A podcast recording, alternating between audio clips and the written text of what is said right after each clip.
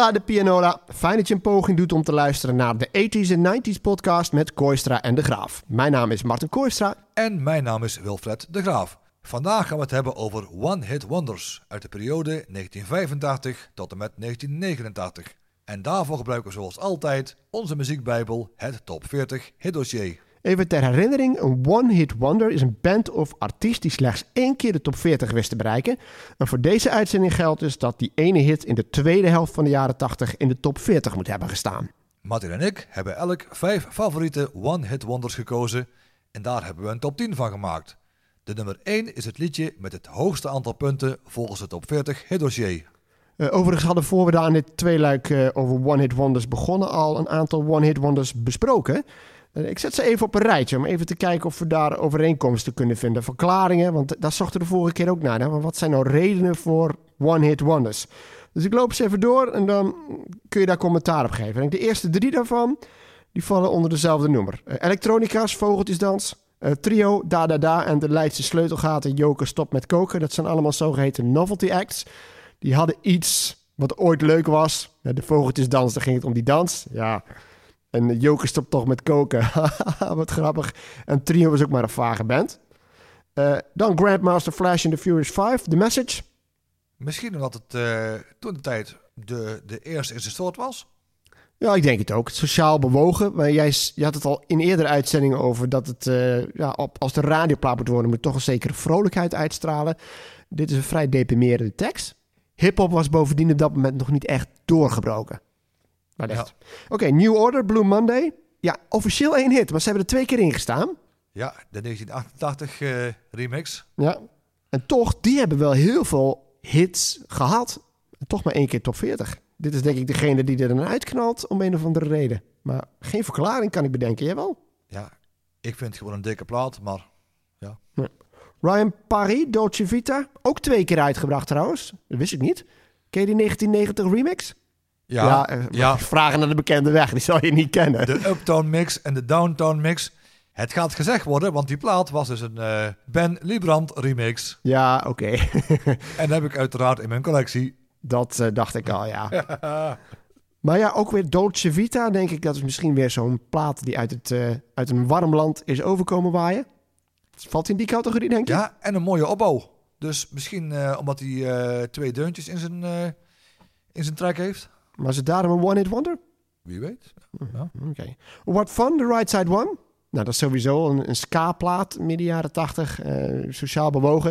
Ik denk dat dat een hit was omdat het over de Falklandoorlog ging en dat was actueel. Dat is het eigenlijk wel een beetje. Uh, Murray Head hebben we het over gehad. Murray Head was een musicalzanger, dus die was er nooit op uit om een hit te hebben. Maar ja, als je gaat samenwerken met Benny en Björn, dan kan het wel eens zijn dat je per ongeluk een hit hebt. Voor de Jackmaster Funk, Love Can't Turn Around. Dit zou wel eens het geval kunnen zijn van iemand die ook onder een andere naam wel andere hits heeft gehad. Ja, en misschien ook wel dat die plaat het begin van de ommekeer was Oftewel het begin van de house. Ja, maar ik denk ook dat hij onder andere namen, dat het meer producer is en dat hij in die hoedanigheid ook wel aan andere hits heeft meegewerkt. Dat is wel typisch voor de house, denk ik. Ja. En Nicole, Don't You Want My Love, hebben het over gehad. Die is later meer uh, werk op de achtergrond gaan doen. Uh, New Shoes, I Can't Wait. Ja, die kwamen. Zonder Peter Slaghuis was het helemaal uh, geen hit geworden. Maar dankzij Peter Slaghuis een wereldhit. Ja, dus we hebben de, de, de, Peter, de Wilfred Bingo. Peter Slaghuis en Ben Liebrand. Ze zijn weer langsgekomen. Uh, Mars, Pump Up the Volume. Dat denk ik misschien een beetje hetzelfde als bij uh, Farley Jackmaster Funk. Dat de mensen die daar aan verbonden zijn... onder andere namen ook weer grote hits hebben gescoord. Ja, ja Boogie Box High. Ja, dat was in feite George Michael. Ja. Dus ja, die een keer iets onder een andere naam. Joyce Sims hebben het ook uitgebreid over gehad. Dat die uh, hadden geen verklaring voor. Ik denk misschien omdat het een, uh, een chique soulplaat was, die dus voor teken gedraaid werd. Ja, nou, nou Patty Shift, daar is nou de enige van ik denk, ja, logisch. En toch is dat de enige die we besproken hebben. Want het komt, dat is gewoon gelinkt aan een televisieserie. Ja, vanwege Spijkerhoek. Ja, dus uh, ja, echte lijn zit er niet in. Nee. Goed, dan is het nu tijd voor onze top 10 van One Hit Wonders uit de periode 1985 tot en met 1989. We beginnen met het liedje dat de minst grote hit was. Nummer 10.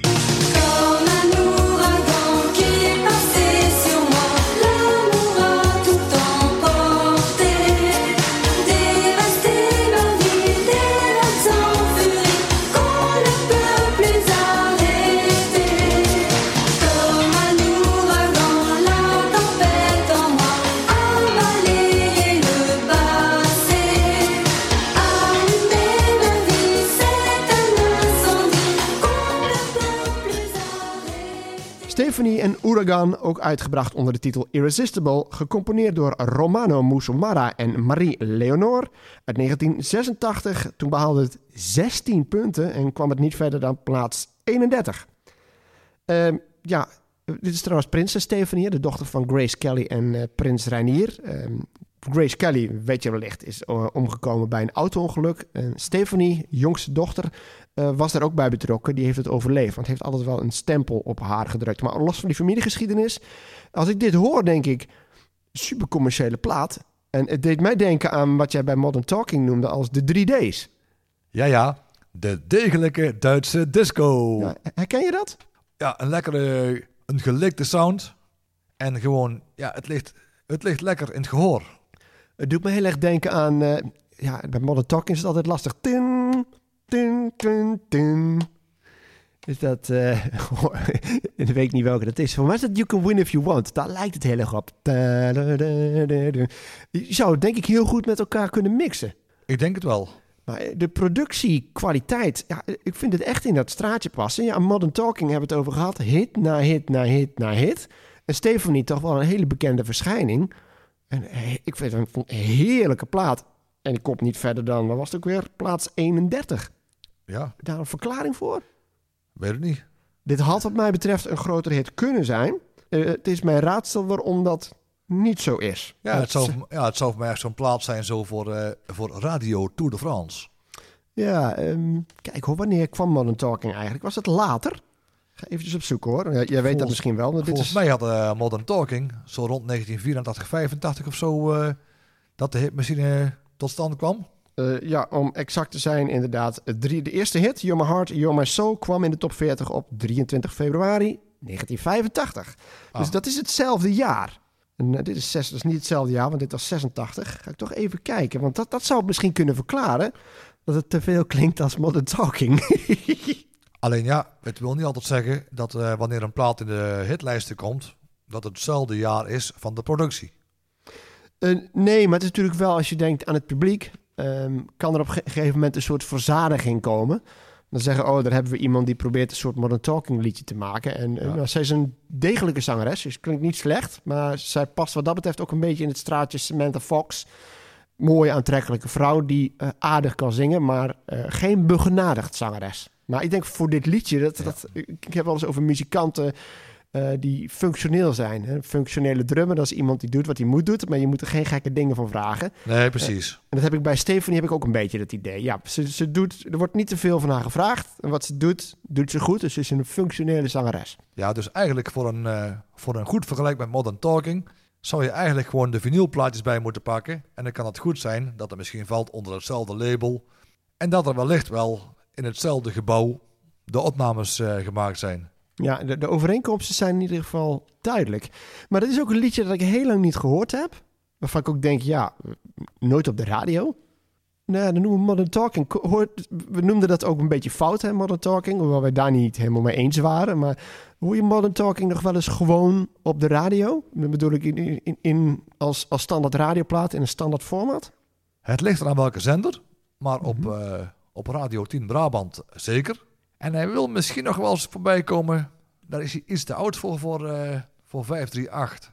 Ja, oké. Want, want toen met die, eh toen met die eh verroekte toen wel. Maar ze hebben het format veranderd van 538. Dagelijks hebben ze een uur 90s at 9. Dus dan is eigenlijk de verroekte halve stonden komen te vervallen. Ja, maar dan krijg je ook formats waarin relatief weinig jaren 80 platen zitten. Dan is de spoeling toch al dun. Ja, En dan valt Modern Talking af. Maar aan zich Ja, dus ja. is, het, is er Modern Talking toch wel een radioplaat. Stephanie, ja, want ik vraag me af of bijvoorbeeld Veronica die plaat draait, ja of nee. maar van Stephanie, ja, is natuurlijk ook, natuurlijk ook een groot verschil. Omdat het geen hit is geweest. Althans, een heel bescheiden hitje. Modern Talking, daar kun je vijf, zes liedjes kun je er eigenlijk... eh, ja, dan zeg je de ene keer doe je die en dan doe je die andere. En Stephanie... eh, ja, ik blijf het raar vinden. Ik vind het echt een fantastische plaat. Ja, Plus het heeft eigenlijk alles wat typisch is voor de jaren 80. Ik maakte net die vergelijking met Samantha Fox. Mooie verschijning. Goed gelikte plaat. Stock Ja. En Waterman Ja. erachter. Stephanie hetzelfde. En toch geen hit. Ik heb daar geen verklaring voor. Het is ook niet zo dat dit het enige is wat ze ooit heeft gedaan. Want ze heeft later ook nog een album opgenomen. Ook nog een keer een, een eerbetoon aan haar moeder. Dus zij heeft wel geprobeerd om het te herhalen. Maar dat is niet geslaagd. Ja. Ja, dus, eh, dus, dus eigenlijk kunnen we concluderen. Ondanks haar afkomst krijgt ze vandaag de dag weinig royalties binnen. Nummer 9.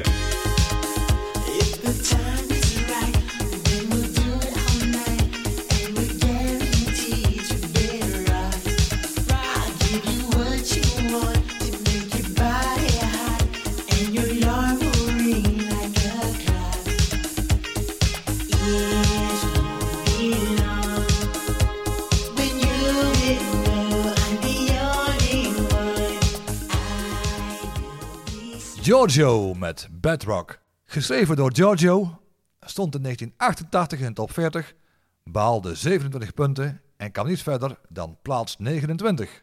Een typische clubplaat, in discotheken heel veel gedraaid. En dan de man die erachter zat, Giorgio, was ook een beetje een alleskunner. Die heeft ook de plaat waarschijnlijk ook gewoon zelf helemaal compleet ingespeeld en ingezongen en geproduceerd. Dus ja, die man kun je ook wel een, eh, een veelzijdig persoon eh, noemen. Hij was ook nog, of hij is nog actief in de filmwereld, maar dit eh, terzijde. Maar eh, ja, een, eh, een, bescheiden, een bescheiden radioplaat, maar wel een, een clubplaat. Ja, en de reden dat het een one-hit wonder is, is bij mij wel duidelijk. Want zijn hitje was misschien wel bescheiden, maar hij zelf niet. Hij, Nee. zag, hij zag zichzelf, en jij noemt het eigenlijk al, want je hebt het over multi-instrumentalist. Hij komt uit Minneapolis. Minneapolis, multi-instrumentalist. En hij lijkt er ook op.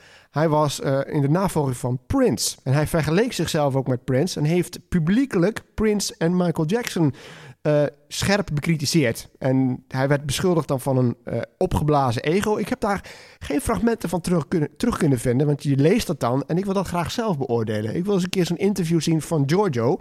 En de DJ's die hebben zich toen ma- massaal van hem afgekeerd. Die zeiden, dit is zo'n arrogante, opgeblazen pannenkoek.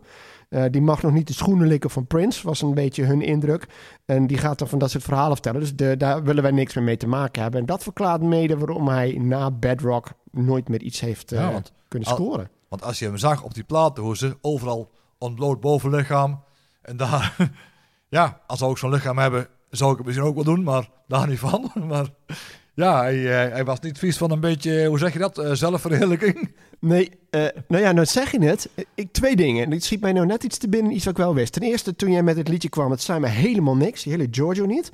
Toen ik het liedje hoorde, dacht ik ook niet. Maar toen ben ik gaan zoeken, al vast ter voorbereiding op de montage, naar de, de single. En ik zag die singlehoest. Ik denk, ja, die kan ik me wel herinneren. Want het is, nou, laat ik zo zeggen, het heeft toch een hoog gay gehalte. Hè, hij, ligt aan, hij doet ook een beetje denken trouwens aan, dat schudt mij nu te binnen. Is een single van Prince, of een album, ik geloof dat het Parade is, dat zou het wel kunnen zijn. Waar Prince ook zo achterover ligt en vrijwel volledig naakt. En daar dacht ik, daar is het misschien wel door geïnspireerd. Want wat ik voor me heb is dan een zwarte achtergrond. En hij ligt er dan met die... eh, hij zit een beetje tussen Richanel en Milli Vanilli in met zijn haar. Ja, Lange donkere krullen. Op zich wel een knappe vent. Echt zo'n sixpack. Het, het lijkt wel gefotoshopt. En dan heeft hij inderdaad zijn jasje gewoon zo open van... Kijk mij er eens stoer uitzien. Ik denk, nou... Ja, Richanel die vergelijking vond ik wel interessant. Maar toen dacht ik ook van... Dit is iemand die zichzelf als een soort sekssymbool wil, eh, wil portretteren. En ik vond het ook wel erg... eh, ja, typisch gay. Ja. Ja, waarom dan? Ja. Die- En, ja, en het is voor mij... ik denk dat het vrouwen en mannen inter, dat ze Ja. daarmee wel proberen aan te trekken. Ja, en het is voor mij is het eh, overigens eh, de tweede plaat die ik ken van, eh, van Giorgio. Want Lovers Lane in de zogenaamde dub to the club mix was wel een plaat die veel gebruikt wordt in mixen van de Bond van Doorstatters. Oh, oké. Had ook een, eh, een typisch eh, break met een eh, soort van fragmentje, leek het wel, van, van een serie of van een film. Doe, doe, doe, doe, doe. Giorgio, Giorgio. If my father sees us, he kill us. Kill us. Ah, is het dan typisch een geval, want we hebben het ook wel eens over gehad, eh, dat liedjes in de club wel werken? Want ik zie nou Lovers Lane, hij heeft wel één keer nog in de tipparade gestaan. Dat was een half jaar eerder, eind 87. En dat is inderdaad Lovers Lane. Ja, Overigens- alleen, de, alleen de, ja, de meest bekende versie is niet de versie die we van single kennen. Dat ja, ik ken, hem zo, ik ken hem sowieso niet voor single, maar jij kent ze dus wel allebei. Ja, ja. De single versie van Lovers Lane heb je het nou over. Ja, en dan ga ik... En ja, nu komt er weer eventjes een... eh, eventjes een, eh, een alert. Kom maar op met, kom maar op met, eh, met, met een, een drumroffeltje. Ja, ik moet alleen nadenken waarop. Ja, ja, zeker. Want, want Bedrock heeft natuurlijk een heel herkenbare baslijn.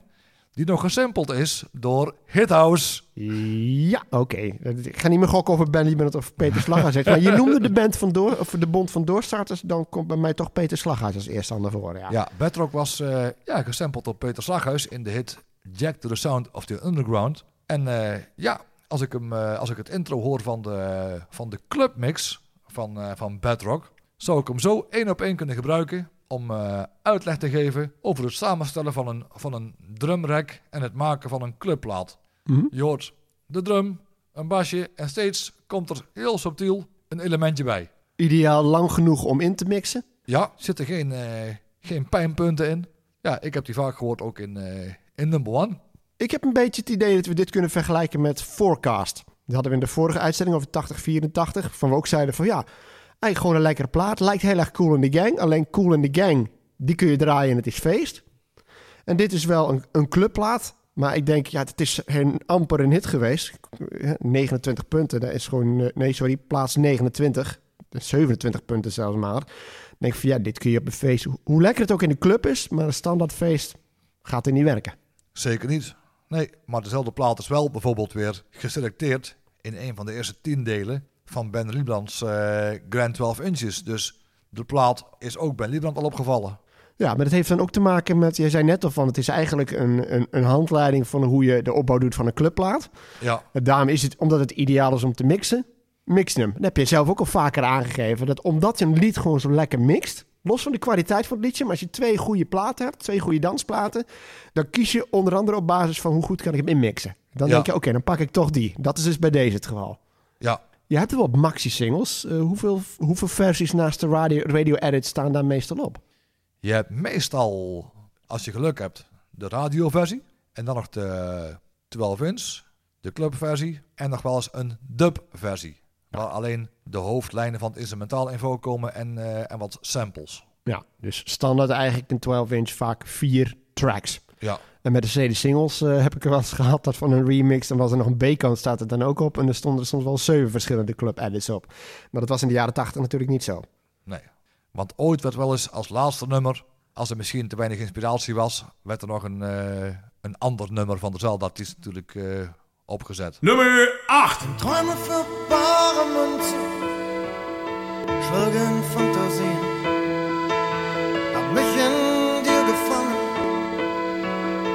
Wie mir geschieht.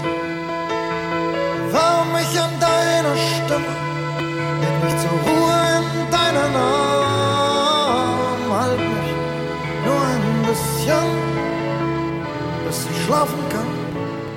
Herbert Grönemeyer met Halt mich, geschreven door Herbert Grönemeyer zelf uit 1988. 63 punten behaalde toen en plaats 23 in de top 40. Ja, Herbert Grönemeyer, ik vind het een schitterende ballade. En Herbert Grönemeyer is ook een van de grote voorbeelden van Guus Meeuwis. Ook qua status kun je hem daarmee vergelijken. Dit is ook weer een wat dramatisch liedje. Ehm, ja, natuurlijk draai je nooit op een feest, maar ik ben wel benieuwd toch wel wat je hiervan vindt. ja, hier... eh, Het, het is, het is Ja. vlakker dan veel van de andere liedjes die je hebt afgekraakt. Ja, dat klopt. Maar ik, ik, ik krijg er zelf persoonlijk nog steeds geen warm gevoel van. Nee? Oké, dat, ja, dat verrast mij toch wel. Ik vind het fantastisch gezongen. En er is een directe link tussen Herbert Grönemeyer en, eh, en Guus Meeuwis. Ik kom daar ook weer terug op het liedje hoor. Maar eh, Herbert Grönemeyer is in Duitsland ook al... eh, nou, sinds de jaren tachtig is hij gewoon een van de grootheden. Hij speelde ook in de oorspronkelijke versie van Das Boot. En dat bedoel ik niet het, de video van het liedje. Maar de epische oorlogsfilm, die ook nog met een Oscar is bekroond... van Wolfgang Petersen, speelde hij een hoofdrol in. Dus toen was hij al iemand. Hij is door de decennia heen is hij altijd in Du- Duitsland een soort troetelkindje gebleven van het publiek. Ook weer zo'n geval van iemand die dan één keer een hit heeft in Nederland. Maar eh, toen zijn zoon overleed, heeft hij een album gemaakt dat heet Een Mens. Dat er heel persoonlijke teksten bij. En één daarvan heet Der Week. En Der Week is eh, ge- gekopieerd, is gecoverd door Guus Meeuwis. En ik geloof, ik, ik ben nooit bij die Brabants, eh hoe heet het, die zachte G-dingen geweest. Eh, hoe heet dat, Brabants met een zachte G? Groots met een zachte G. Groots met een zachte G. Maar ik geloof wel dat eh, de Wellix favoriet is. Ik weet niet hoe goed jij hem kent, maar dat is dus van Herbert Dat Grönemeyer. zou kunnen, ja. Ik vind dit, eh, ja, qua de manier waarop de orkest er ook bij komt, met de strijkers erbij, de dramatische opbouw daarbij van, heel ontroerend, liedje. En hij heeft een schitterende stem. Dit is echt iemand die... eh Stef Bos, dat vind ik een mooie vergelijking. Stef Bos, ook een verhalenverteller die in al zijn teksten een emotie legt. En dat kun je ook horen aan zijn stem. Die heeft heel veel variatie in zijn stemgebruik. Ik vind het met papa vergelijkbaar in dat opzicht. Schiet me nou zo te binnen. Wat vind jij? Ja, en dan ben ik denk ik op het punt aangekomen waar ik denk van... Ja, van waarom kan ik dan wel vaak de Nederlandse ballads beter waarderen? Ik denk vanwege de... Misschien wel vanwege het simpele feitje... De verstaanbaarheid. Ook weer dus zo'n geval een Duitse artiest. Want vorige keer zeiden we ook al de top drie die we hadden bij de vorige keer. Bab, ehm Juanes en eh, Leo. Dus we hadden op drie hadden we een Duits band. Op twee hadden we een Spanjaard. En op één een Française. En Ja, hier twee- hebben we ook ja. alweer een Duitser. Ja, twee was eh Juan Pardo. Oh, Juan Pardo. Van Juanes. Wacht. Die heeft wel een hitje gehad. ja, klopt ja. Nummer 7.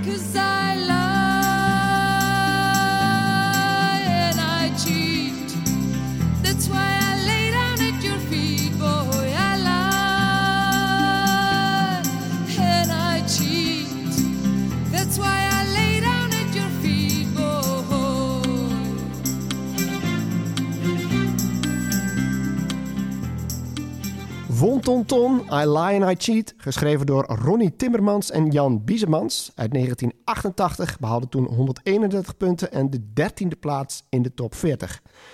Bea van der Maat, daar draait het eigenlijk om. Die eh, is de zangeres van deze band. En als je de biografieën opzoekt, dan is ook de komt meteen band geformeerd rondom Bea van der Maat.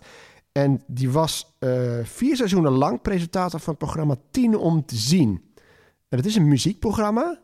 Eh, de naam zegt me wel iets, maar ik weet niet of ik het ooit gezien heb. Zegt het jou iets? Heb jij het wel eens gezien? 10 om te zien? Heb jij wel eens gezien? 10 om te zien? Nee. Nee, oké. nee, echt niet. Nee. Nou, goed dat even terzijde. Zij is trouwens eh, leerkracht Engels geworden. Ik zag ergens een site, daar werd dat genoemd. En daar konden mensen ook op reageren. Eh, hele oude reacties uit 2002 of zoiets, 2003. Zeiden ja, ja, ze is niet zo goed in Engels, maar... eh, ik ga Vlaams accent. Ze is niet zo goed in Engels, maar eh, is wel een toffe gast. dus... eh, maar dit liedje, heel breekbaar gezongen ook weer. Ehm, ik weet niet wat het is, maar het is altijd blijven hangen. Ja. En mooi arrangement ook met de gesynthesiseer- gesynthesiseerde... Nou ja, de violen die geen violen zijn, die uit de synthesizer komen. Maar als arrangement vind ik het wel werken. Ik vind het een mooie, echt een heerlijke radiovege ballad. Ja, klopt. Heb ik ook zo eh, omschreven. Een mooie radioplaat en ook mede door die violen en ook door die emotie in de stem. Nou, de titel is wel opvallend. I Lie and I Cheat. Denk, nou, ik denk dat is wel een titel die... terwijl het toch een soort liefdesliedje klinkt. Maar uiteindelijk gaat het om I Lie and I Cheat. That's why I lay down at your feet. Denk, nou, vind ik voor een titel wel heel bijzonder. Ja. En verder kan ik er niet zo heel veel over zeggen. Ja, dat is wel vaak als het gewoon als we het met elkaar eens zijn. Het snel op.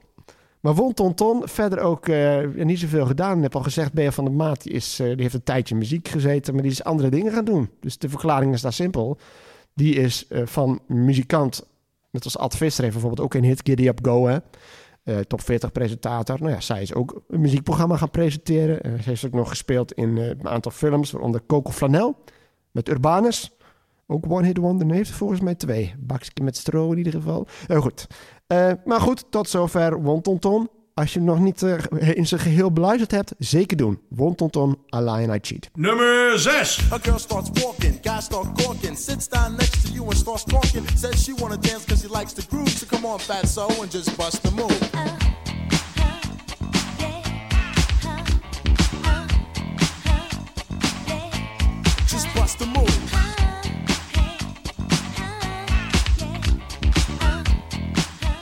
Young MC, Bust a Move. Geschreven door Matt Dyke, Michael Ross en Marvin Young. Behaalde in 1988 144 punten en bereikte plaats 14 in de Nederlandse top 40. Ik zou hem omschrijven als een, eh, een groovy rapplaat. Zitten ook Ja, wat, kort, kort en bondig. ja, Ja. kort en bondig. Zitten ook wat, eh, wat samples in, heb ik opgezocht op eh hoe sampled. ja. Onder andere samples van platen die ik niet kon, maar eh Found a Child van ba eh, Bell and Jack. Heb je hem geluisterd, dat liedje trouwens? Het gitaarloopje. Heb je dat geluisterd? het wel stukje waar dan, waar dan de, de sample eh, opduikt. Ja, maar dan moet je dus het hele liedje een beetje luisteren. De eerste twee minuten denk je, huh? is iets totaal anders. En dan ineens komt dat, ook dat oeh, ah. Dat Ja. komt juist daaruit. En dat, dat hoor je helemaal niet terug in die eerste twee minuten. Ja, en nog eh, beats en de beats van een plaat van eh Bad Midler, Daytime Hustler. En eh, ja, als we het over samples hebben, het was niet zo dat je toen de tijd een hele database had op een, op een computer en internet, waarbij je in liedjes kon, kon zoeken. Dus op een of andere manier moeten toch die deuntjes ergens door iemand in het project opgevallen zijn van, dat kunnen we wel gebruiken in een plaat. Ja, het was al typisch voor de hip-hop cultuur. Eh, Er zijn verschillende elementen. En eentje daarvan is ook het spin-in, zoals het heet, het DJ'en. En de kunst daar was dus ook om twee platen met elkaar te mixen. En James Brown, volgens mij de meest gesampelde artiest in hip-hop geschiedenis, omdat hij gewoon voor die heerlijke grooves heeft. Dan heb je bij de ene plaat laat je dat dan lopen. Dan hoor je een heerlijke drumbeat. En die ga je dan gewoon steeds samplen. Dat gebruik je dan. En dan ging je bij die andere plaat ga je er iets overheen doen. Dus die plaat van Bette Midler, nooit van. Ik vind Bette Midler valt mij, vind ik dan ook weer opvallend. Want ik denk, Bette Ja. Midler associeer je nou niet echt direct met, met, met een lekkere beat. Nee. Maar dit is een, een Grammy Award winnend liedje. Enorme hit in Nederland, maar ook in de Verenigde Staten. Eh, dan kom ik, ga ik hem toch gelijk vragen. Dan zou je denken, dit past wel eigenlijk in het lijntje van eh, nou, andere liedjes, maar dit past wel op een feestje. Of toch niet?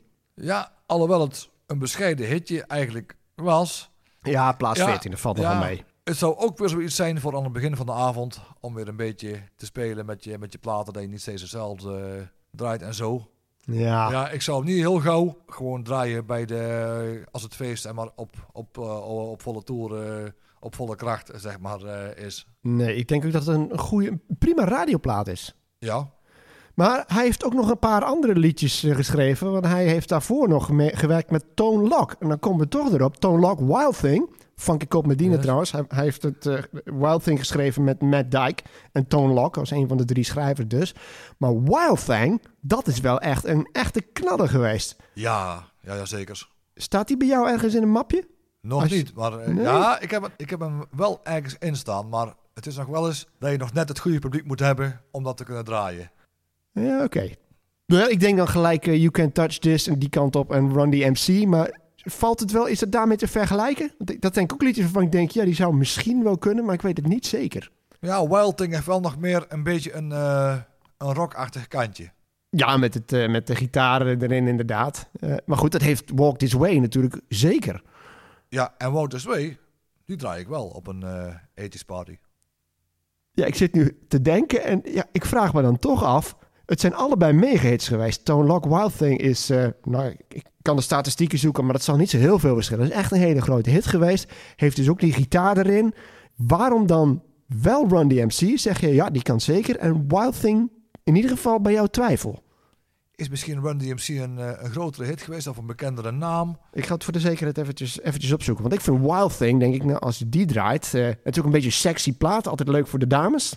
Ik denk dan Wild Thing is misschien weer een, een, een liedje dat eh, de vrouw op de dansvloer krijgt. Of is het dan toch een beetje te... te eh, want Wild Thing is seks. Dus eigenlijk gewoon eh Ja, kaboom, kaboom, zullen we zeggen. want op een duur is in de jaren 90 bijvoorbeeld wel van eh Tone Loc van Funky Cold Medina... is er een remix gemaakt. hey, dat is een mooie vergelijking. Door de heer Jason Nevins. En Jason Nevins was ook verantwoordelijk voor de hitversie 1998 van It's Like That van Run DMC. Ja, ja, ja, ja. Ik heb even opgezocht trouwens. Eh, Er is wel verschil, maar ik vind het verschil eh, marginaal. Ik spreek dan eventjes in punten. Uh, Tone Lock eh, was een top 10 hit, heeft de derde plaats gehaald. Negen weken genoteerd, 246 punten. Dus dat betekent dat hij sowieso in de single top 100 staat. Ja, Run DMC zat er toch nog wel een fractie boven. Maar nummer 3 gehaald dus. Run DMC...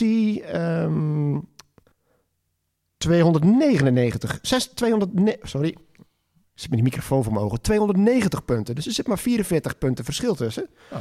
Eh, dat was een nummer 2 hit. 10 weken genoteerd. Dus er zit niet zoveel verschil tussen. Ja, dus op zich, eh, ja, ik, eh, ik ben een beetje creatief aan het denken van... Ja, Het is, natuurlijk wel, het is natuurlijk wel leuk om ook zeker met de huidige DJ-gear... om dan bijvoorbeeld ook gewoon al van tevoren al... voor het draaien al gewoon leuke dingetjes te doen met, met scratching en zo met... eh, let's do it. ja, dat ook al. Het is net als wat het dan met Kiss over. En ja, Run DMC heb je ook. Je hebt die eerste beat t- En dan weet iedereen, oh, dat is Run DMC. Let's do it. Weet iedereen ook meteen. En... Ah. Ik zoek er nog eentje op, maar ik, ik weet niet eens meer wat ik ging opzoeken. Eh Tone Lock. Oh ja, natuurlijk. Ja, dan moet ik even naar de twee toe. Two Life Crew. Oh ja. Me So Horny. Ben ik wel benieuwd ja, naar. dan- Kan die? Dat is ook...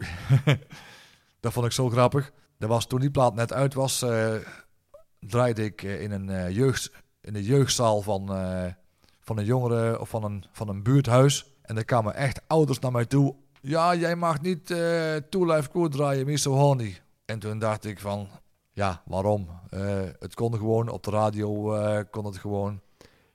Ja, we wijken wel een beetje af, maar ik vind het wel interessant, omdat eh, dit Two Life Crew, dat was een nummer 1 hit. 346 punten, 1990, dus is wel wat later. Hele controversiële plaat, maar ik weet dat ze hebben een, twee albums, ze hebben van versie van één album hebben ze twee versies uitgebracht. De ene heet As Nasty As They Wanna Be en de andere heet As Clean As They Wanna Be. En de titel zegt het al. Ik kende oorspronkelijk ook alleen maar de clean versie, want ik denk dat die gedraaid werd. Eh, Sitting at home with my... Ik, ken alleen maar de, de smerige versie. Dat is dan with my dick all hard. Maar dat was niet de oorspronkelijke versie. Maar draai jij Two Life Crew? Staat die bij jou überhaupt? Is dat iets waar je kunt draaien op een feest? Als er om gevraagd wordt, doe ik het wel. Maar ik zou het niet eh, zo zomaar doen. Ja, het hangt misschien ook al een beetje af van het publiek. Misschien als het, een, eh, als het meer besloten is, is het misschien wat anders als dat, als dat het wat, eh, ja, wat meer openbaar is, denk ik. Is het toch te maken met de titel? Dat het een... eh, ik bedoel, Ja. Wild Thing is seksueel getint. Het gaat ook over seks. Maar Mise Horny natuurlijk wel heel expliciet. Dus Ja. de vraag is eigenlijk, zit er een verband tussen, Ja, tussen seks... En Run DMC gaat natuurlijk helemaal niet over seks. Nee, Miss Horny die gaat wel letterlijk en figuurlijk gewoon eh, diep in de materie. Dan zeg ik Walk This Way gaat helemaal niet over seks. Ik denk, nou, misschien stiekem toch wel, maar dan moet je er naar zoeken. Nee, oké. Ja, Waarom hadden we het eigenlijk over Run DMC? Oh ja, Young MC, daar ging het over. En, en ja, Ja. To- Tone Lock. Nou ja, dan heeft hij toch wel eh, eh, wat palmares. Ook een Grammy gewonnen voor deze plaat. Het punt was alleen, die had in die tijd had je een aantal hip-hop acts. Bijvoorbeeld ook, dit was de tijd van DJ Jesse Jeff en The Fresh Prince en zo. En dat was allemaal. "Ooh, parents just don't understand the summer, summer, summertime. En daarna, eind jaren tachtig, kreeg je dus eh, de NWA. En werd de hip-hop veel rauwer. En Young MC die bleef een beetje zitten in dit vrij luchtige, taalkundig heel goed. Maar eh, er was meer belangstelling voor de wat rauwere, ehm, voor, de, voor de rauwere, smerige, de, ik maar zeggen, smerige hip-hop. En dan bedoel ik smerig in de figuurlijke zin. Want je nog met Double Trouble, dat we het ook hebben gehad over die smerige beats en zo. Dat allemaal wat ja. die kant op ging. En daarom kon hij geen navolging geven aan dit succes. Alleen Summertime was toch veel later van eh, Will Smith? Eh, volgens mij niet. Voor mij is het 88. Ja, veel later. Kijk, in 1988. Die stond voor mij op. Nou, wat ik weet is dat eh, Young MC was de tweede winnaar van een Grammy in de categorie Best Hip Hop Performance. En het jaar daarvoor hadden DJ en Jesse Jeff en The Fresh Prince gewonnen. Eh, waarschijnlijk voor een ander liedje, weet ik even niet welke. Maar ja, als ik zeg DJ Jesse Jeff en The Fresh Prince, welk liedje ken je daarvan? Dan is de eerste die opkomt is Summertime, dat is 1991 inderdaad, ja. Maar ja, je hebt wel I Think I Can Beat Mike Tyson en Parents Just Don't Understand. Eh, dat is een klassieker en die komen echt uit die periode. Ja, en later nog eh Boom Shake the Room. Ja, dan hebben we het over 93, eh, 94, ja. Nou, dan was het toch meer eh Will Smith, Will Smith achter, achtig. Nummer 5.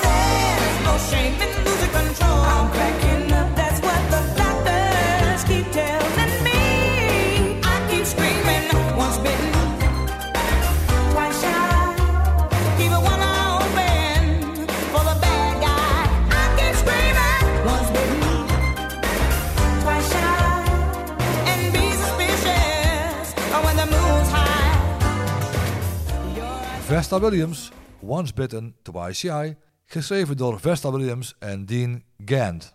Uit 1987, toen behaalde het 153 punten en plaats 11 in de top 40. Een chique plaat die ik vaak heb gehoord in de, in de Soul Show. Fijne geluiden, mooie vocals en krijg er echt helemaal een beeld van om, om een mooie chique club binnen te stappen. Dus dit is ook eentje met een goede 12-inch versie, begrijp ik dat goed? Ja, ook dat. En als ik hem in een mapje zou plaatsen, zou ik hem zetten bijvoorbeeld bij eh, Luther Vandross en Alexander O'Neill. Ja, dat- ja, ja, ja, ja, ja, die link kan ik begrijpen. Maar leg hem eens uit, die link. Een heel nette, nette plaat, net wat, eh, wat meer tempo als een ballad, maar net wat, wat, wat langzamer als een echte disco. Niet extra ruw of zo, maar gewoon echt helemaal, ja, een gelekt, eh, gelekte productie. is toch wel een dingetje. Ik geloof zelfs dat op de hoes haar achternaam tussen haakjes staat. En ze staat ook in het hitdossier als Vesta. Dat is ook weer zo iemand. Je hebt bijvoorbeeld ook Corrie Konings. Die heeft ook een aantal liedjes uitgebracht als Corrie. En waarom En is dat- mij niet duidelijk. Maar in dit geval hebben ze gezegd, Ja. eh, we doen maar allebei geloof ik. Want ze staat in het hitdossier als Vesta trouwens. Maar het is Vesta Williams, ja. Ja, lijkt me wel leuk ja, als, eh, als Vesta Williams eh, deze podcast terugluistert en ze wordt vergeleken met Corrie Konings. De, de, de link is terecht en het zegt niks over haar met muziek. En met alle respect, zij zou willen dat zij in Nederland zo succesvol was geweest als Corrie Konings. ja, ja, dan deed ze, ja dan, eh, dan deed ze niet moeilijk over die, eh, over die paar centen meer voor de, voor de energie. Nee, maar ik vind die vergelijking met Alexander O'Neill, dan denk ik gelijk aan Fake. En Luther Vandross, dan denk ik ook gelijk aan eh, die single die ze had, eh, die je had met, eh, met de eerste die me opkwam, was met Janet Jackson. En the best things in life are free. Dat is inderdaad van die lekkere, vrolijke, mid-tempo dancemuziek. Heerlijke radioplaat zou je zeggen. En toch Ja. ken ik hem eigenlijk. Ja, ik kende hem vaag, maar ik ken hem niet goed. Hoor jij hem nog wel eens? Nee, nou, ik heb wel eens, als ik een beetje aan het switchen ben tussen radiozenders, dat ik nog wel eens een keer in een, eh, in een soul-programma, dat hij nog wel eens eh, voorbij komt. Want ik zit nog wel eens eh, bij, bij collega DJ's die ik ken via, via Facebook, die ook eigen programma's hebben en zo. En dan of, ofwel, hè, die, verwerken in een, die verwerken in een mix, of, eh, of hij komt gewoon zo voor in een programma. En ja, dan hoor je wel eens, maar voor de rest eigenlijk niet.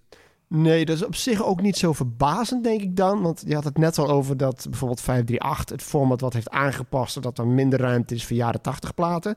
Ja, en we hebben tot nu toe in deze uitzending nog een enkel liedje besproken... dat de top 10 heeft gehaald. Dus het heeft de top 10 niet gehaald. Dus is het bij het grote publiek simpelweg niet bekend genoeg, denk ik dan. Nee. Dat zal de reden zijn. Nee, maar wat wat wel weer een eh, leuk detail was van de beat van Once Bitten Twice Shy leende zich ook uitstekend om te verwerken als basis in een mix in die tijd. Heb je er zelf wel eens iets mee gedaan? Nee, want ik heb die platen pas later eigenlijk leren ontdekken en niet in de tijd zelf. Ah, dus toen jij de Soul Show hoorde... kon je het niet herkennen als zijnde Once Bitten Twice Shy?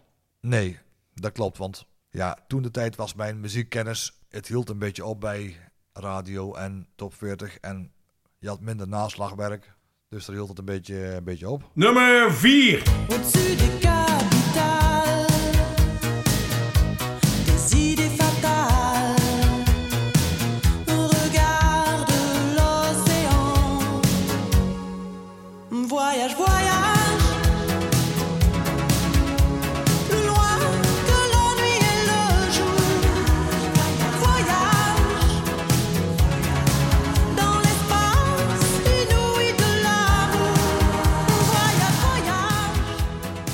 Desireless Voyage Voyage, geschreven door Jean-Michel Rivat en Dominique Dubois, komt in 1987, behaalde 163 punten en ook deze net niet in de top 10, strandde op plaats 11 in de top 40.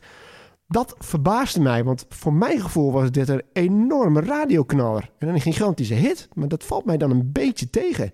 Ja, precies. Ik had ook verwacht dat het een, eh, een grotere hit zou zijn. Want als ik hem zelf zou omschrijven, vind ik het een, eh, een geweldige, energieke disco. Met een vleugje, ja, met een vleugje synthpop op zijn best. Geweldige opbouw, sterke hoek.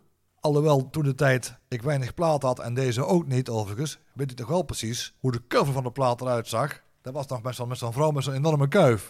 Ja, dat heet dan een eh, porcupine hair. Dat, is eigenlijk een, een borstel omgekeerd. Ja, een porcupine is dan een, een, een egel, stekelvarken. En dat haar zo. En dat, was, dat stond mij ook nog heel erg voor de geest. Maar het liedje, ja, als je dat hoort, gaan tum, tum, tum, pum, pum, meteen weet je voyage, voyage. En Ja, het refrein, voyage, voyage. ja. Ik dacht echt van, dit is een, dit is een absolute ethisch klassieker. En ik verwacht hem eigenlijk op een ethisch party, denk ik, als je de boel een beetje in de gang wil krijgen, moet je deze wel draaien. Maar ik begin daar dus op basis hiervan aan te twijfelen. Ja, want ik denk, ja, ik denk ook eerlijk gezegd, als je de, als je de airplay in, eh, in kroegen en clubs meetelde, had deze plaat waarschijnlijk wel veel meer en veel hoger gestaan eigenlijk als, als nu. En zeker in regio Den Haag, waar de Italo enorm populair was. En met, eh, met die sound van, van deze plaat hoor je ook dat er een, ja, een, een heel lekker Italo sound in zit. Ik, eh, ik kan er misschien een keer de, de, de boeken op, op naslaan van wat deze plaat gedaan heeft op een duur lokaal. Bijvoorbeeld in een hitlijst van eh, Radio Stad Den Haag. Dat is wel interessant. Ik heb ook even gekeken wat het internationaal gedaan heeft. Het was een nummer 1 hit in Duitsland, in Oostenrijk, in Spanje en in Noorwegen. En wat wel bijzonder is, het haalde nummer 5 in het Verenigd Koninkrijk. En het bijzondere is dat het een Franstalig lied is. Dat kwam bijna nooit voor. Dus ja, oké, 11e plaats is niet slecht. Maar omdat het zo'n zo'n goede productie is, het liedje daar gewoon kraakhelder klinkt. Prachtig gezongen. Het is ja, jij in de vorige uitzending had jij het over een meesterwerk. Welk liedje? Oh Ja, eh, Transact noemde jij een meesterwerk. Dit vind ik een absoluut meesterwerk. Ook zonder meer. En weer uit Frankrijk. Ja, maar ik denk wel dat het een liedje is dat nog regelmatig op de radio voorbij komt. Ja, ik luister te weinig Ja. radio ervoor, maar het is toch een fantastische radioplaat. Zeker zomers, Radio 10, eh barbecue plaat, eh, ja, zomerse top. Zom- Barbecue plaat. ja, ja, houden we er zomers, wel in. zomerse top, zomerse top, zoveel. Ja, na, ook weer zo'n naavondplaat. Ja, Barbecue, ja, lekker buiten op het terras zitten. Het begint wat donker te worden. Op de achtergrond een voyage, voyage. Neemt je mee naar, naar verre, warme, exotische, dromerige, paradijselijke plaatsen, denk ik Ja. dan. Ja, en in, eh, in het begin van de Zero's is deze plaat overigens eh, niet onverdienstelijk gecoverd door Kate Ryan. Klopt, eh, die vind ik eh, niet onverdienstelijk is, is denk ik een goeie. Want ik vind, ja, beter dan dit kan het niet worden.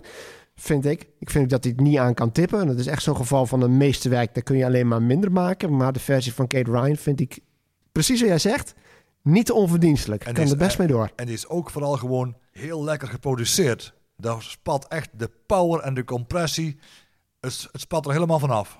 Ja, ik ben wel een liefhebber van Kate Ryan. Maar die komt in de jaren negentig eh, wellicht nog wel eh, aan bod. Eh, overigens, hier is wel een vrij logisch, althans een, logische verklaring waarom zij maar één hit heeft gehad.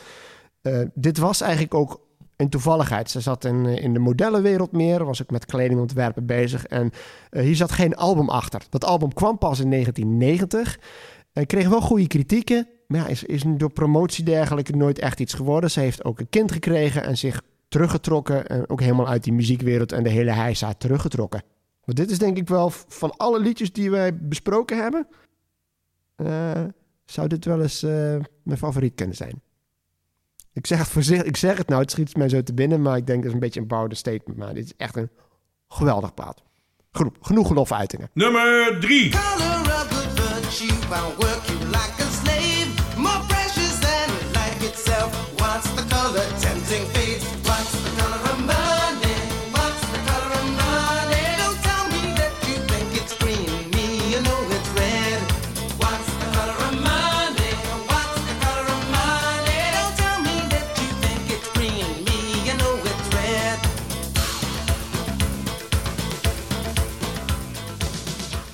Hollywood Beyond, What's the Color of Money? Geschreven door Jamie B. Rose en Mark Rogers uit 1986. eh, behaalde 193 punten en, jawel, plaats 9 in de top 40. De eerste top 10 hit staat bij ons in de top 3. Hier kon ik heel weinig over vinden, over Hollywood Beyond. Dus over de achtergrond zal het niet gaan. Ehm, ik werd, werd wel omschreven als iets, hij omschreef het zelf, de Mark Rogers, dat is de zanger, omschreef het zelf als iets dat heel erg ethisch is, maar toch anders beetje vaag omschrijven, maar dat, het, het heeft iets unieks, maar het heeft ook iets ethisch. Ja, misschien wel, misschien wel een beetje van het, eh, door het eh, industriële begin. En ook niet precies weten wanneer de vocals gaan beginnen. Ja, je hebt, het begint wel vrij stevig. Tum, pum, tum, pum, en die drums, trrr, er zit heel veel percussie in, dus het is heel erg opzwepend. Maar het is gemixt als een ethisch plaat. Dus, Dus ja, want op een of andere manier een heel klein beetje misschien wat eh Depeche Mode invloeden. Ook een beetje, die, Ja, ook een beetje die industriële geluiden. Ja, ik heb, ja, er zit wel wat in. Ja. Ik, ik heb toch wel de indruk dat het, dat het voornamelijk eh, echte percussie is. Er zitten wel wat, ehm, ja, wat productiegrapjes in, zou je kunnen zeggen. Dat er dingen in zijn gezet die niet, eh, die niet live kunt spelen. Je kunt het niet live zo naspelen. Dat is denk ik wel een aardige vergelijking, ja. Maar ja, de tekst is ook weer een hoek, hè. Tum, tum, tum, tum, tum, tum, die baslijn. En what's the color of money? What's the color of money? Don't tell me that you think it's re- green. Me, I know it's red. Dat zingt iedereen zo mee. En daar zit ook gelijk een hele scherpe boodschap in de tekst. En dit is natuurlijk ook de tijd dat apartheid heel erg meespeelde. Dus het is een behoorlijk politiek lied. Ik denk dat het in die tijd wel past. Het was toen eigenlijk dat echt de strijd tegen apartheid begon. En dat is een politiek getint lied. Nou ja, het is gewoon openlijk politiek. Dat dat gewoon een hit kon worden. Wat welk jaar was hij? 85? Ehm 87, toch 86. Het is wel een plaat die dan wel, als we dan het tijdsbeeld bekijken, toch ook wel een beetje in de, in de tijd van eh Ain't Gonna Play Sun City. Ja, je- even kijken uit welk jaar dat is. United het. Artists Against, Against Apartheid. Ja, je kan het zeggen. Ah, ah, Overigens ook een one-hit wonder die we buiten beschouwing hebben gelaten. Want eh, dat, dat was namelijk een gelegenheidsformatie. Dan hadden we bijvoorbeeld Band Aid er ook in kunnen zetten. Maar ja, om nou Band Aid een one-hit wonder te noemen. En hetzelfde met United Artists Against Apartheid. Volgens mij was dat een jaartje later. Ehm dat was, oh, Artists United Against Apartheid. Ik zit bij de U te kijken. Ik zoek hem even op. Die vergelijking eh, klopt wel, ja. Maar dat ging ook over de boycott van, eh, van Afrika. Zuid-Afrika. Theoretisch gezien zou je dus eh, van één nummer, zou zowel het origineel als de cover een one-hit wonder kunnen zijn. Die linkje begrijp ik even niet. Je hebt het over een cover? Ja, bijvoorbeeld stel hè, je hebt eh Band Aid. Ja. Doe dit nou eens Christmas Time in de versie hè, met Band Aid. Oh, jij zit toch daarbij? ja, oké. Maar, een aantal jaren later, waren er allemaal artiesten uit de renstal van eh Stalketer de Waterman. Die hadden ook Doe dit nou eens Christmas Time opgenomen. Als dat ook in top 40 was, gehaal, wa- was geraakt. Dat was had- toch gewoon Band Aid 20, of niet? Ja, zoiets eigenlijk. Ja. ja. Dat is toch Bob Geldof die die mensen van stal Ja. heeft gehaald? En dat zat er veel uit, eh, uit de Ken Waterman. eh. Er was, dacht ik, nog een, een, een andere versie van Do You Know It's Christmas Time. Met, eh, ook met Bananarama, Steps. Bananarama, die zat bij de originele. Ja, er was, nog, er was nog een formatie met, voor mij alleen maar uit de uh, Eater Waterman stal.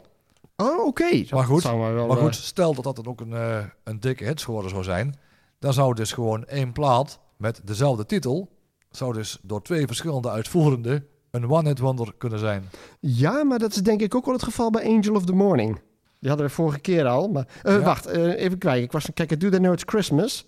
Eh, dat is zelfs huh? Vier keer uitgebracht. Dit begrijp ik even niet. Je hebt Band Aid. Dan heb je Band Aid 30. Band Aid 2. En Band Aid 20. Dan zal Band Aid 2, ik even kijken. Nou, het doet er ook niet toe eigenlijk. Ik kan het allemaal wel nazoeken, maar dat is wel interessant. Er zijn dus vier versies van opgenomen en dan elke keer. Dan zal die van Band Aid 2 zal wel van tien jaar later gemaakt eh, zijn. En wie er dan in zit, ja, dat weet ik niet. Maar het zal toch één van die versies zijn. Ik dacht dat er maar twee versies van waren. Maar hoe kwamen wij hierop? Eh, oh ja, Sun City, 1905. Dat, moest, dat was ik aan het opzoeken, ja. Gelegenheidsformaties. Ja, eh, Artists United Against Apartheid. Ik weet dat in ieder geval eh, Little Steven erin zat. Dat is de enige die ik weet. Ik geloof ook Bruce Springsteen. Dikke kans trouwens, die twee werkten samen.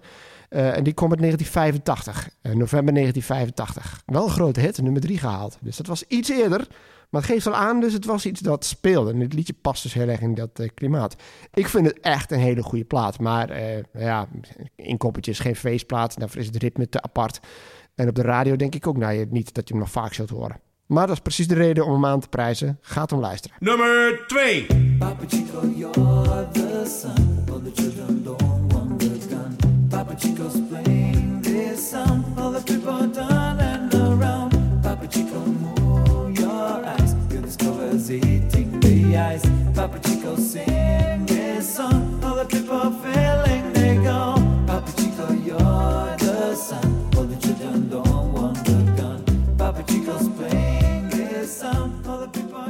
Tony Esposito met Papa Chico. Geschreven door Tony Esposito, Remo Licastro en Gianluigi Di Franco. Behaalde in 1987 plaats 2 in top 40 en scoorde 336 punten.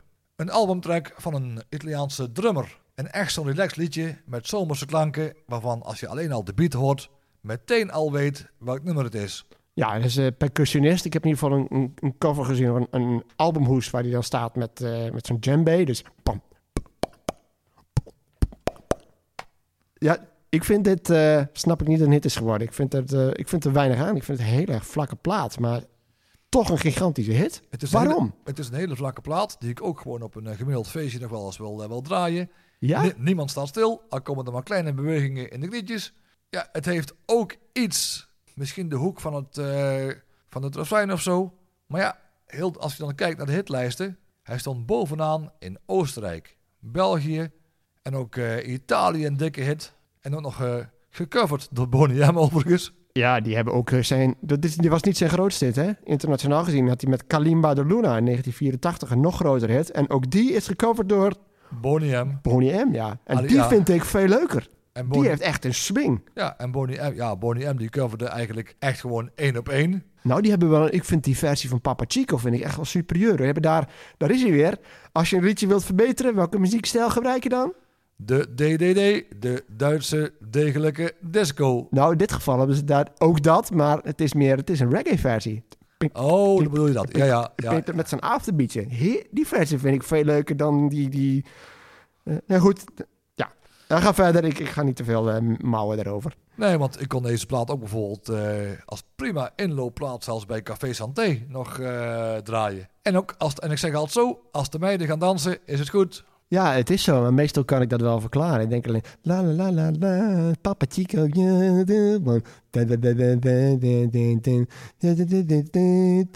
Er zit geen opbouw in. Een keer... Het, het kabbelt maar vrolijk voort. Dan denk je aan een aardige radioplaat. Maar het verbaast me echt. Het, het is zo... Jij weet het beter dan ik. Want je hebt er ervaring mee. Maar Ja, wat is de verklaring dan dat dit werkte in een kroeg? geen Het heeft toch iets zomers blijkbaar. Is het dan toch ook weer de taal? Misschien of de, of de instrumentjes die erin zaten of zo. Of, ja, toch de link met zomer. Dat zou nog wel kunnen. Want, eh, even kijken. Ja, een zomerhit heb ik ook staan. Klopt het trouwens? Ga ik even nazoeken hoor, wanneer het uitkwam. Ook zo'n liedje dat, dat is overgewaaid. Want in and- verschillende, liedjes, verschillende landen was het dus niet eens een hit. Eh, ja, juli, 11 juli 1987. Dus inderdaad, begin van de vakanties een beetje. Voilà. En, ja, ja, bijna mijn verjaardag. Ja, ook hij is weer genoemd, de verjaardag. Wat ook wel opvallend is aan dit liedje nog, is dat het komt van het album As to As, als ik goed uitspreek. En dat komt uit 1985. Dus het heeft toch twee jaar geduurd voordat het is overgewaaid. Ja, misschien ook ergens opgepikt of zo. Ja. Ja, toen de tijd hadden ze nog geen vloggers of, eh, of influencers. Nee, maar geef mij toch maar die Boney M-versie. Die vind ik, eh, vind ik gewoon is de moeite waard om die eens te luisteren. Dat is een mooie update. Daar word ik, eh, word ik persoonlijk wat vrolijker van. Dit is zo'n liedje, jij die kun je inderdaad op een barbecue zetten. Voor mij betreft maar dan op vrij laag volume. En dan doet hij geen pijn. ja, als, als de dames gaan dansen, Ja, dan is het goed. dan is het goed. Kan ja. ik zeggen wat ik wil, ja. dan denk ik dat ik toch wel blijf. Ja. ja, ik vind het zelf nog steeds ook nog steeds gewoon een leuke plaat. Dus eh, smaken verschillen, gelukkig maar. Nummer 1.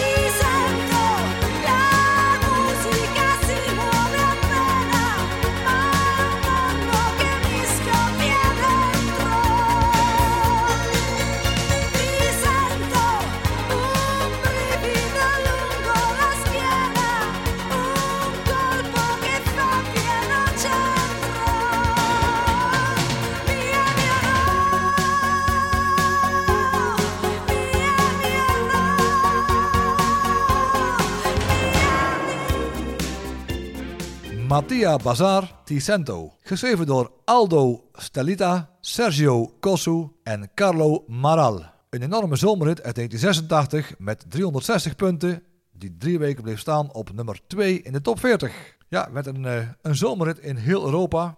In thuisland Italië nummer 1, Duitsland nummer 11. En als ik kijk naar de datum, ook 11 juli komt weer tevoorschijn, maar dan 1986. Een jaartje eerder, dat is wel heel toevallig. En plus, vorige keer, de vorige aflevering van 80, 84, nummers 1, 2 en 3, niet Engels, niet Nederlandstalig. En nu ook de nummers 2 en 1, Ja, ja zeker. ook weer. Ja, Dit is ook een meesterwerk. Ja, het kan wel goed zijn dat eh, de plaat natuurlijk wel een beetje een, eh, een duwtje gekregen heeft. Omdat hij in 86 ook eh, ja, Veronica Alarmschijf geweest is. En Veronica werd heel goed beluisterd. Alarmschijf helpt, eh, helpt altijd mee, maar het is geen garantie voor, een, eh, voor zo'n gigantische hit. Maar het helpt, het helpt. Je had, die noemde ook al de paradeplaat en de was ik weer speciale aanbieding. Dat was op een zondag trouwens, hè? Ja, Speciaal, maar goed, dat terzijde. en ook wel geinig eigenlijk ja, dat ook gewoon de meningen, de meningen over deze plaat wel een beetje verdeeld zijn eh, soms. Want ik heb Ja? bijvoorbeeld, ja, ik, ja, ik heb bijvoorbeeld over gehad met, een, met onze collega DJ die ook wel eens wat inspreekt hier. Die vond het helemaal niks. Oké. Ja, en ik was toevallig met een eh, collega, met een collega op het werk nog een beetje, wel, een beetje aan het doornemen, zo one hit wonders in, eh, in de pauze. Nou, ik vind het maar, eh, maar saai. En ik had zoiets van, nou, ik vind het een geweldige plaat. Want ik, ik vind ook de... de Saai? Daar snap ik niks van. ja, ik vind de 12 inch. De 12 inch vind ik geweldig qua opbouw. Ook herkenbaarheid erin. Lekkere bas die erin komt. En ook gewoon eerst helemaal een, een, een zwoele stem die opgaat in, in gewoon pure power. Ik vind het geweldig. Ja, het verbaast me ook. Want als er nou één ding is, wat, ik- wat ik nou één label dat ik niet kan hangen aan dit liedje, is dat het saai, Saai. is. Nee. Er zit zoveel variatie in. Dat Ja. komt ook wel door de achtergrond. Want eh, het is eigenlijk een restant, Mattia Bazaar, van een progrockband. En een aantal daarvan, die begin jaren 70 progrockband gehad. Die zijn toen doorgegaan. Die hebben nog twee singles gehad trouwens, die internationaal grote hits hadden. Eh, die zijn niet verder gekomen dan de tipparade. Ja. Ik heb ze wel even beluisterd en dat is heel interessant. Solo 2 komt in 1978. Tipparade dus. Eh, ik dacht, dat is een liedje, dat hadden ze zo bij het Songfestival kunnen zetten. En het is een beetje BZN. Dit me heel erg denken qua sound aan BZN. Maar Ja. dan zonder de paling, eh, zeg maar de palingsaus eroverheen. Maar die richting kun je het zoeken. En eh, er zitten harmonies in die heel erg doen denken aan de Carpenters. Hitmachines, BZN en de productie van de Carpenters. En Vacanza Romana, dat was in 1983 een tip. Dat is een beetje een vage plaat. Die- Daar zingt zij heel hoog.